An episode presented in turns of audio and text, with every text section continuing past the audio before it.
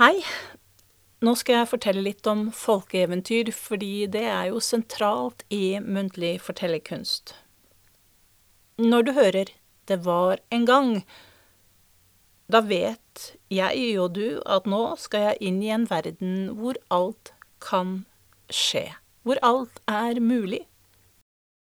Folkeeventyr er en type fortelling som har utviklet seg gjennom en muntlig tradisjon og tilhører et kollektiv repertoar. De norske folkeeventyrene ble samlet inn i en periode fra 1835 til 1920 i et Norge som i det vesentlige var et jordbruksland, og der et flertall fremdeles følte seg undertrykket av danskene. Denne perioden var nasjonalromantikkens høysete, og fortellingene ble utgitt i skriftlig form i perioden 1840 til 1920. Folkeeventyr, det er noe med ordet folk. Du har også ordene folkloristikk og folklore. Når vi hører ordet folkeeventyr, har vi blitt litt sittende fast i ideen om jordbruk, vi ser for oss en bonde på en gård med høysesong i bakgrunnen. Ordet folk foran eventyr og lignende har blitt et varemerke på noe som er autentisk, og som har gått tapt. Det kan bety at folkeeventyrene er ladet med en bestemt kulturell kode, og at man kanskje må være var over disse kodene. Og det kan være en utfordring for samtidens fortellere. Folkloristen Ørnulf Hodne skriver et ekte folkeeventyr er en internasjonal prosafortelling av ukjent opprinnelse. Den har et overnaturlig og fantastisk innhold som har blitt muntlig og skriftlig overlevert i en rekke varianter innenfor en folkelig fortellertradisjon som omfattet både barn og voksne. Hodne knytter også folkeeventyret til det folkelige, og dette er understreket av at det blir fremhevet at det var analfabetiske og fattige som fortalte eventyr, i den perioden folkeeventyrene ble samlet inn. Dette romantiske bildet om hvordan den muntlige tradisjonen foregikk, har endret seg de siste ti årene. Det har vist seg at evnen til å kunne lese har påvirket folkeeventyrenes motiver i langt større grad enn det man trodde. På en annen side understreker det folkelige at folkeeventyrene tilhørte eller ble knyttet til et bestemt fellesskap. Den moderne muntlige fortellerkunsten er et urbant fenomen, og kanskje handler det å fortelle folkeeventyr om en lengsel etter noe som tar oss vekk fra den virkeligheten vi lever i. Det kan være situasjoner hvor folkeeventyret bør fortelles slik det ble skrevet ned av innsamlerne, f.eks. i arbeid på museum. Men man skal være klar over at mye av innsamlingen av folkeeventyret ble utsatt for revideringer, hvor flere varianter av én fortelling ble slått sammen, ord ble byttet ut og lignende. Så når du arbeider med et folkeeventyr, så ikke tenk at den skriftlige teksten er en sannhet. Så hva er et folkeeventyr? Først så er det ordet eventyr. Ordet eventyr er avledet av ordet adventura, som betyr underfull hendelse. Og ordet eventyr brukes i dag kun i Danmark og Norge. Ordet eventyr kan også referere til en skjønnlitterær sjanger, som fortellinger skrevet av H.C. Andersen, hvor han bygger fortellingene på tradisjonelle motiver. Eller den mer moderne Angela Carter, som bruker motiver som inspirasjon til eksempel noveller. I studiet Muntlig fortellerkunst arbeider vi ikke med kunsteventyr skrevet av forfattere, men fortellinger som er nedskrevet.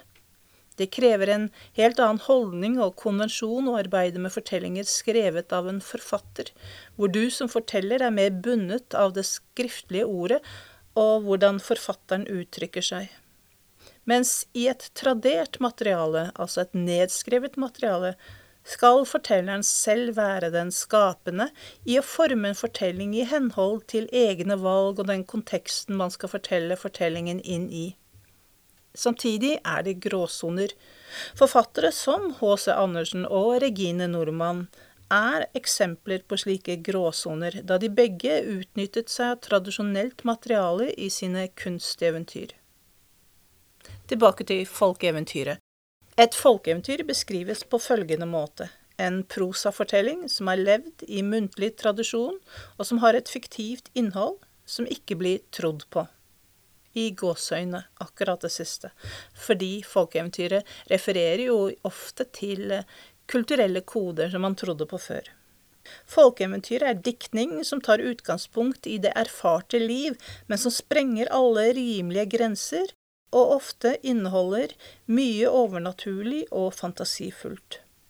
Folkeeventyret er ikke knyttet til tid og sted. Det bygger på motiver som en gang var levende trosforestillinger. Det kjennetegnes av stilistiske kjennetegn som motsetningslov, tretallslov og innlednings- og avslutningsformler, som det var en gang å snipp, snapp, snute. Folkeeventyrene representerer en rik og mangfoldig diktning. Samtidig er det noen trekk som går igjen, og som gjør at man kan finne like folkeeventyr både innenfor og på tvers av ulike kulturer. Dette er en styrke for dette materialet, da man som forteller i dag kan sammenligne ulike varianter av et folkeeventyr og finne sin egen stemme i dette, og for eksempel det populære Kvitebjørn kong Valemon har det hele 70 ulike varianter av i Norge nedskrevet. I Norge er vi rikt forunt med å ha et bredt og godt fortellermateriale å forsyne oss av. Asbjørnsen og Moe har sørget for et rikholdig fortellermateriale. Interessen for folkediktning lå i Europa før deres tid. Gjennom folkediktningen fikk man tilgang til folkets sjel, spesielt gjeldende var dette Tyskland, hvor Brødrene Grims første samling kom ut i 1812. Brødrene Grims samling av eventyr var et forbilde for Peter Kristen Asbjørnsen og Jørgen Moe. Deres innsamling av folkeeventyr og sagn var en del av nasjonaloppbyggingen. Innsamling skulle ligge nærmere folkespråket, men de måtte inn og redigere det. Eventyrsamling står i dag fram som et nasjonalverk, til tross for at hele Norge ikke er dekket av Asbjørnsen og Moe. For i Norge har vi flere innsamlere, og disse fortellingene kan du bl.a. finne i Norsk eventyrbibliotek. En samling hvor fortellingene språklig står nærmere den formen de ble fortalt i. Ørnulf Hodne skriver i boken Det norske folkeeventyret at det å fortelle for barn var den fortellersituasjonen som overlevde lengst. Og forholdet mellom folkeeventyr og barn er uten tvil det du finner mest teori knyttet til. Det er ikke så forunderlig, for folkeeventyr gir barn en rik tilgang til erfaring og forståelse av virkeligheten. Spesielt i et mangfoldig perspektiv blir folkeeventyrene ansett for å ha en verdi. Man kan gjennom disse fortellingene presentere ulike kulturer ved f.eks. å studere varianter av samme fortelling. Samtidig skal man være påpasselig slik at man ikke misforstår symboler i fortellingen eller kommer med stereotypiske representasjoner. Jeg skal nå fort og kort gå gjennom noen av de mest populære kategoriene av norske folkeeventyr. Det er verdt å merke seg at denne kategoriseringen av fortellinger er beregnet på norske fortellinger. Fortellinger fra andre kulturer kan ofte ikke deles inn på samme måte. Regle- og remseeventyr. Det er den enkleste formen for fortelling, men likevel noe av det van vanskeligste, fordi det er gjentagelser der som må varieres. Fortellingen har en enkel handling som gjentas, og det mest kjente eh, eksempelet er jo pannekaka. Og så har du dyreeventyr. Dette er fortellinger hvor dyrene spiller hovedrollen. Deres egenskaper er framhevet for å fortelle noe om menneskenes mindre positive egenskaper. De parodierer menneskelig atferd på en humoristisk måte. Et eksempel på et dyreeventyr er bjørnen som ble stubbrumpet.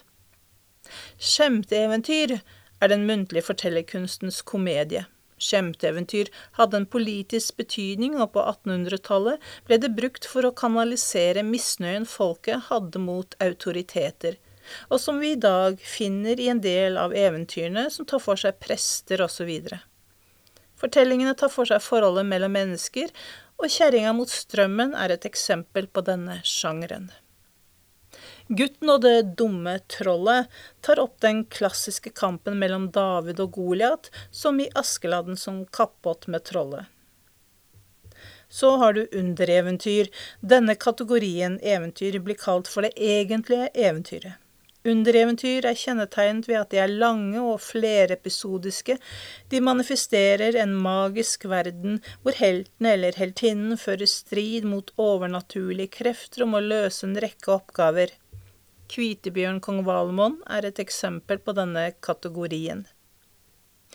Vår tids populærkultur har forsynt seg grådig av motiver, plott og karakterer fra folkeeventyrene. På et vis kan man si at mange sjangre innenfor populærkulturen har sin opprinnelse i folkeeventyrene. Derfor kan det være nyttig å se dette i en samfunnskontekst hvor kulturelle koder redefineres i forhold til ulike kontekster. Men også at mange valg kan gi vrangbilder eller at det finnes andre alternativer om man beveger seg bakover til kildene. Så lykke til med å finne deg et folkeeventyr.